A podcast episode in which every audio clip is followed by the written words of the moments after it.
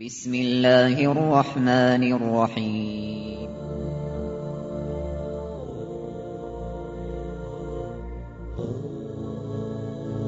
الرحمن العزيز الرحيم القوي السلام الكريم العظيم البصير العليم الحكيم الجبار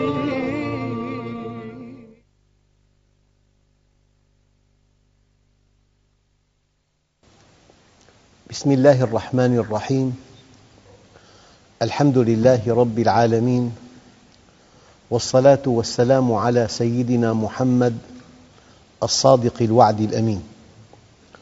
اللهم أخرجنا من ظلمات الجهل والوهم إلى أنوار المعرفة والعلم ومن وحول الشهوات إلى جنات القربات. أيها الإخوة الكرام مع اسم جديد من أسماء الله الحسنى والاسم اليوم الحي. في السابق شرحنا اسم الحيي. الحيي اسم والحي اسم آخر. الحيي من الحياء والحي من الحياة. هذا الاسم ورد في قوله تعالى وتوكل على الحي الذي لا يموت وقال الله جل جلاله هو الحي لا إله إلا هو فادعوه مخلصين له الدين ولم يقترن هذا الاسم باسم آخر إلا اسم القيوم. في آية الكرسي. الله لا إله إلا هو الحي القيوم. يعني تعليق سريع. سمعت عن إنسان له مشكلة كبيرة جدا في بلده وتقتضي سجنا لأمد طويل ووسط إنسانا ليدخل بلده من دون أن يساءل. وأخذ منه مبلغا فلكيا. وقبل أن يدخل توفي هذا الإنسان فدخل إلى السجن. توكل على حي يموت فلم ينتفع بكل ما دفع. وتوكل على الحي الذي لا يموت. حينما تضع أملك بحي يموت فإذا مات هذا الحي الذي توكلت عليه تبددت الآمال. وأحبط الإنسان وعند مسلم أن رسول الله صلى الله عليه وسلم سأل أحد أصحابه يا أبا المنذر أتدري أي آية من كتاب الله معك أعظم؟ أتدري أي آية من كتاب الله معك أعظم؟ قال أبو المنذر الله ورسوله أعلم. قال يا أبا المنذر مرة ثانية أتدري أي آية من كتاب الله معك أعظم؟ قال الله ورسوله أعلم.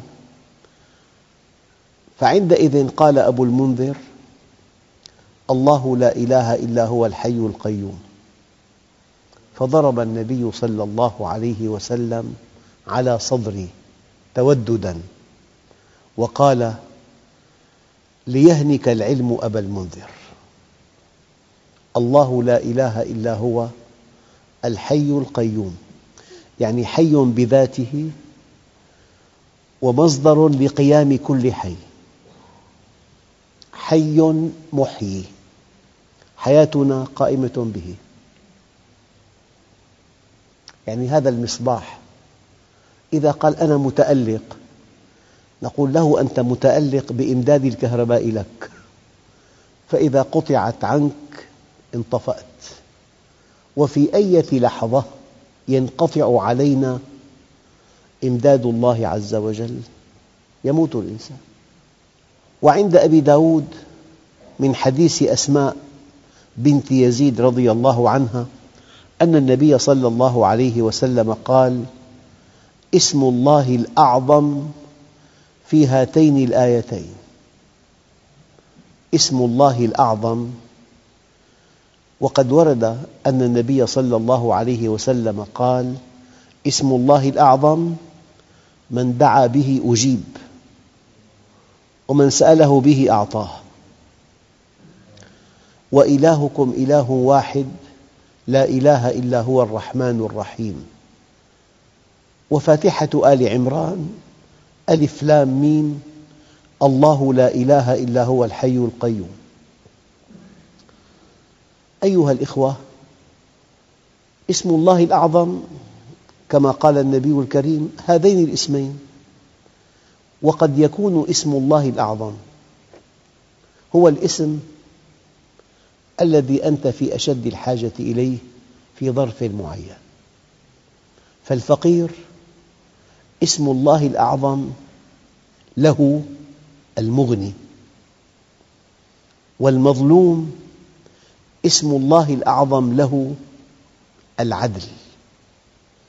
والضعيف اسم الله الأعظم له القوي. وفي أي حالة أنت تتعامل مع أحد أسماء الله الحسنى؟ تقول تارة يا مغني يا غني.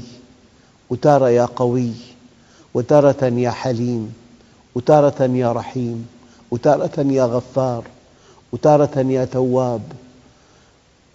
بكل حال من أحوالك هناك اسم يمكن أن يكون اسم الله الأعظم. لكن لفت نظري أن النبي سأل أبا المنذر أبا المنذر تأدبا سكت. أول مرة والثانية. ثم أجاب ماذا نسمي هذا؟ هذا الحوار من أدق أساليب التربية ومن أفعل أساليب التربية أن تستخدم الحوار.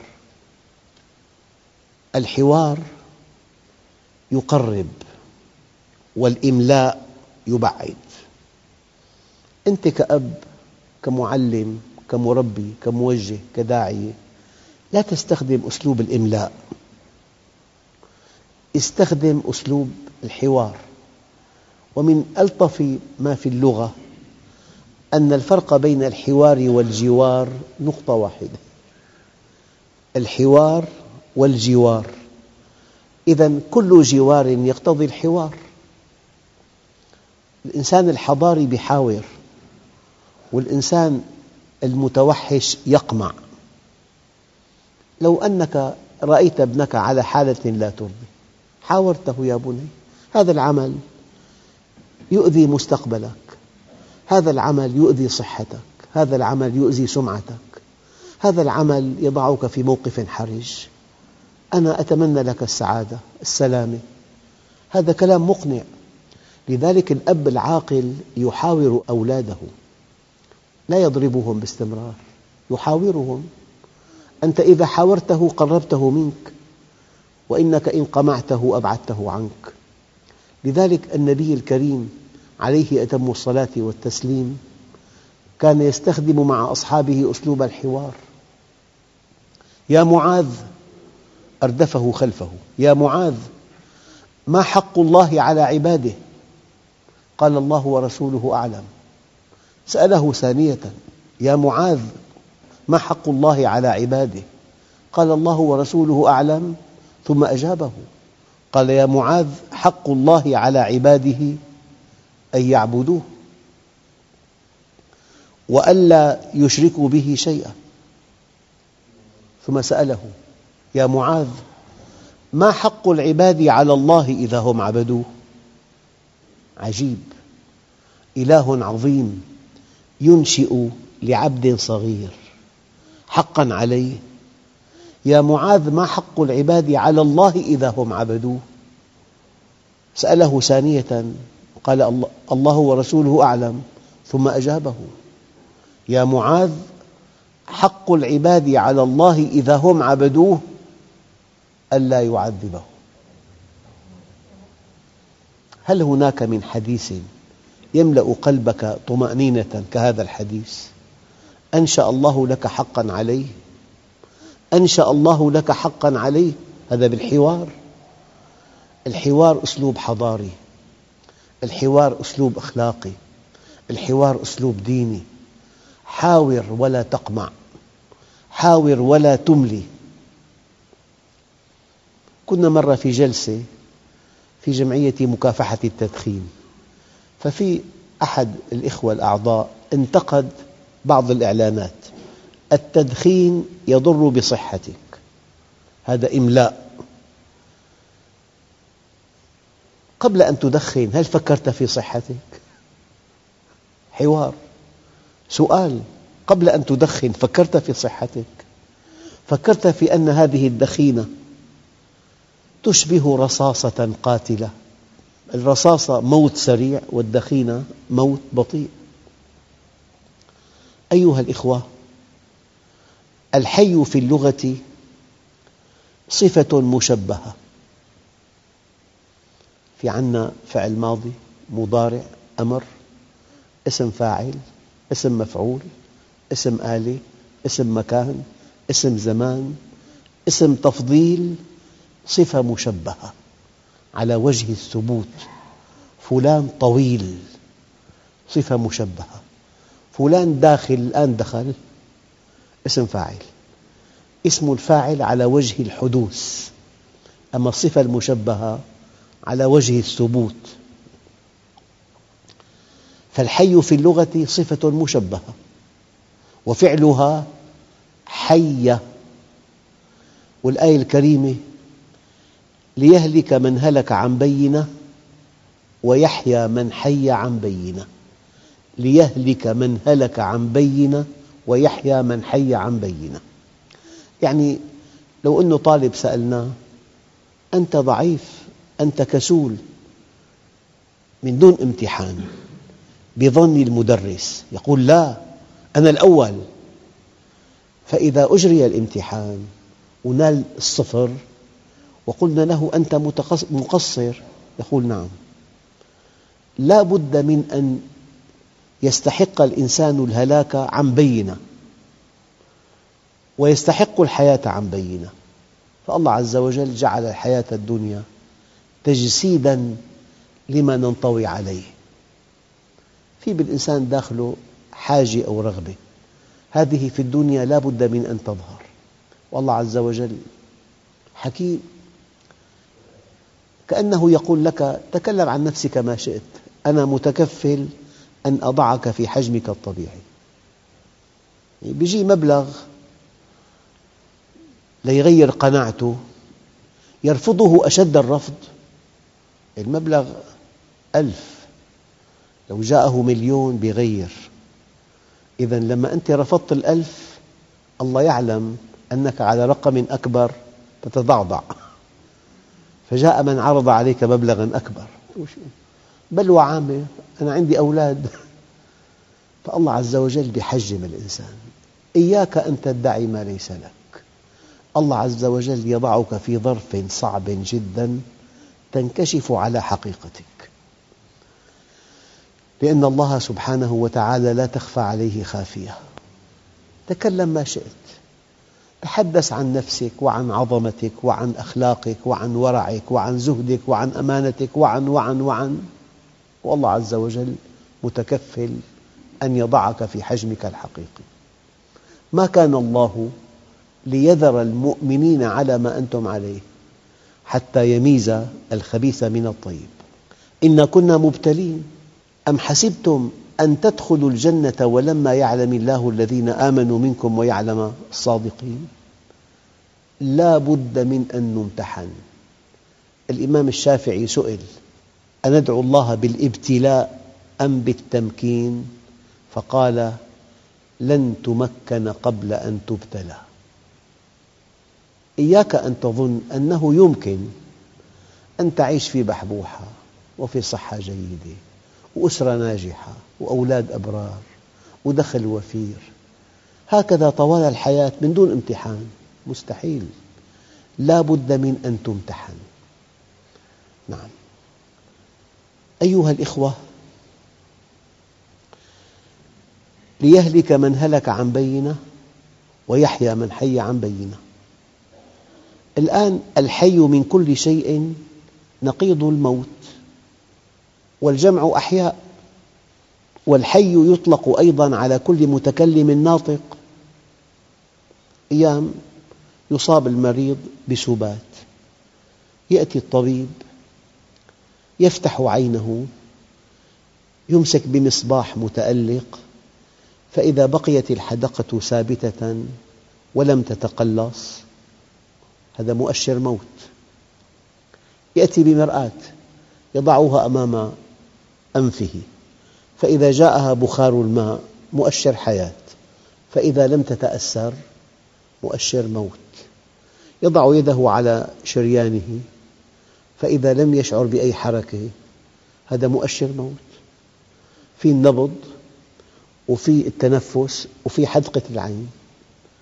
فإذا تأكد أن حدقة العين لم تتأثر بالضوء وأن النبض لم يتحرك وأن المرآة لم يأتها بخار الماء الناتج من الزفير. يقول عظم الله أجركم. انتهى وهذه لحظة لا بد منها. نعم. فالحي نقيض الميت والجمع أحياء والحي يطلق على كل متكلم ناطق. والحي من النبات ما كان أخضراً طرياً يهتز. والحي هو الواحد من أحياء العرب. والحي البطن من بطون العرب. القبائل يعني. والله هو الحي. أي دائم الوجود. الباقي حياً بذاته. الإنسان متى يموت؟ هذا المصباح. لو شبه الإنسان بمصباح. متى ينطفئ؟ إذا انقطع عنه الإمداد. أو ينطفئ إذا حطمته. حينما تحطمه عندئذ لا يصلح لتلقي الإمداد. فالقتل تحطيم الإصباح والموت الطبيعي انقطاع الإمداد. بانقطاع الإمداد يموت الإنسان. وبضربه بآلة حادة يموت أيضا. بالقتل عطلت قدرته على استقبال الإمداد. وبالموت الطبيعي انقطع عنه الإمداد. لكن بكل حال عند علماء العقيدة المقتول يموت في أجله. المقتول يموت في أجله. فالله سبحانه وتعالى هو الحي أي الدائم في وجوده الباقي حياً بذاته. ما معنى قل هو الله أحد الله الصمد؟ وجوده ذاتي. أما نحن وجودنا متعلق بإمداد الله لنا. الباقي حياً بذاته على الدوام أزلاً وأبداً. لا تأخذه سنة ولا نوم. وهذا الوصف ليس لسواه. أي طاغوت يعبد من دون الله؟ إن كان حياً فحياته تغالبها الغفلة والسنات. وإن قاومها وأراد البقاء عددا من الساعات فإن النوم يراوده ويأتيه فضلاً عن كون الموت يوافيه. ويرديه. سبحان من قهر عباده بالموت. فلا ينفرد بكمال الحياة ودوامها إلا الحي القيوم. الله سبحانه وتعالى هو الحي الباقي من أزل الأزل إلى أبد الأبد. من أزل الأزل إلى أبد الأبد. هنيئا لمن كان مع الحي القيوم. مع الحي الذي لا تأخذه سنة ولا نوم. والأزل هو عمق الوجود ودوامه في الماضي. عمق الوجود ودوامه في الماضي. والأبد هو دوام الوجود وبقاؤه في المستقبل. من أزل الأزل إلى أبد الأبد. وقيل الحي ليس لحياته زوال والذي لا يموت. كل شيء هالك إلا وجهه. له الحكم وإليه ترجعون. الحي هو الفعال. الإنسان يكون بأوج حياته بأوج نشاطه. فعال يتخذ قرار يرضى عن زيد يغضب على عبيد يعطي يمنع يصل يقطع. فعال. له وجود قوي. فالحي هو الفعال. والله عز وجل قال عن ذاته العلية فعال لما يريد. البشر في مليون مليون مليون شيء نتمناه ولا نملكه. فالإنسان ليس فعالا لما يريد ليس فعالا لما يريد لكن الله جل جلاله فعال لما يريد. على كل شيء قدير. وبكل شيء عليم. لذلك الله عز وجل قال الله الذي خلق سبع سماوات ومن الأرض مثلهن يتنزل الأمر بينهن لتعلموا أن الله على كل شيء قدير وأن الله قد أحاط بكل شيء علما. يعني اختار لك من أسمائه اسمين القدير والعليم. وأنا متأكد أنك إن أدركت أبعاد هذين الاسمين تستقيم على أمر الله. معنى قدير عليم أي أن علمه يطولك وأن قدرته تطولك. يعني أيام يكون مدير عام بمر من دون أن يعلم مئة مخالفة ولا يشعر. قاعد بمكتبه يزور توقيع يشار إلى إنسان داوم وهو لم يداوم. يعني ممكن أما الله عز وجل على كل شيء قدير وبكل شيء عليم. فإذا أيقنت أن علمه يطولك وأن قدرته تطولك لا يمكن أن تعصيه. تماما كما لو وقفت أمام إشارة حمراء. شرطي واقف وشرطي آخر على دراجة نارية وفي ضابط بالسيارة. فإذا تابعت السير هناك من يتبعك. وإذا تواطأت مع الشرطي هناك من يراقبك. هذا علمه يطولك وقدرته تطولك.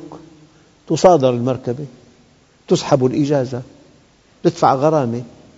فأي إنسان في ذرة عقل إذا كان واقف على إشارة حمراء وهو يعلم علم اليقين أن واضع قانون السير علمه يطوله وقدرته تطوله. يستحيل أن يعصيه. أما حينما يتوهم أن الساعة ثلاثة بالليل ما في شرطة يعصيه بهالوقت لأن علمه لا يطوله أو إذا كان أقوى من واضع القانون. لا يسأل لا يعبأ. إذا الله هو الفعال على كل شيء قدير وبكل شيء عليم أي أن قدرته متعلقة بكل ممكن وعلمه متعلق بالواجب. والممكن والمستحيل. قدرته تعلقت بكل ممكن وعلمه تعلق بكل واجب وممكن ومستحيل. أيها الأخوة الإنسان يقال حي يرزق. بثانية يقول لك سكتة دماغية. صار خبر كان شخص صار خبر. سكتة قلبية اضطراب بنظم القلب. آه، نبض اشتدادي. انتهى لاسترخاء القلب. احتشاء العضلة القلبية عافانا الله جميعا من هذه الأمراض. ورم خبيث. تشمع كبد. فشل كلوي. خسرة بالدماغ. أنا حينما ألتقي مع إنسان بيده قرار أقول له هكذا الله في عنده ورم خبيث عنده فشل كلوي تشمع كبد خسرة بالدماغ وكل هؤلاء البشر عباده ويحبهم. فإذا كنت بطلاً هيئ لله عز وجل جواباً عن كل شيء تفعله. إله عظيم. بثانية أنت في قبضته. لذلك كان عليه الصلاة والسلام يدعو ويقول اللهم إني أعوذ بك من فجأة نقمتك وتحول عافيتك وجميع سخطك. الخسرة بالدماغ تأتي بثانية واحدة شل. والعياذ بالله هناك أمراض تجعل حياة الإنسان جحيما لا يطاق جحيما لا يطاق. فلذلك كما قلت قبل قليل أنت حينما تعبده منحك الله حقا عليه ألا يعذبك في الدنيا. حينما تعبده حق العبادة منحك الله حقا عليه ألا يعذبك. أيها الإخوة يعني لحكمة بالغة إنسان يكون بأعلى درجات نشاطه أعلى درجات تألقه أعلى درجات قوته. ومع ذلك يموت بسبب لا يعقل. بثانية أيام إنسان يبقى في الفراش ثلاثين عاماً. أقرب الناس إليه يتمنى موته. يسمعونه الله يخفف عنك يسمعونه يبقى عبئا على على من حوله. لذلك موت الفجاءة للمؤمن رحمة. يعني ما أحد تألم منه. لكن خطف خطف.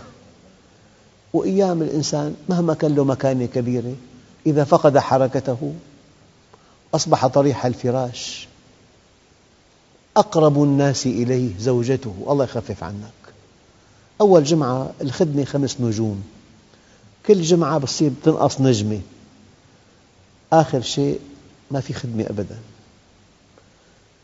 يذهبون يدعونه وحده في البيت.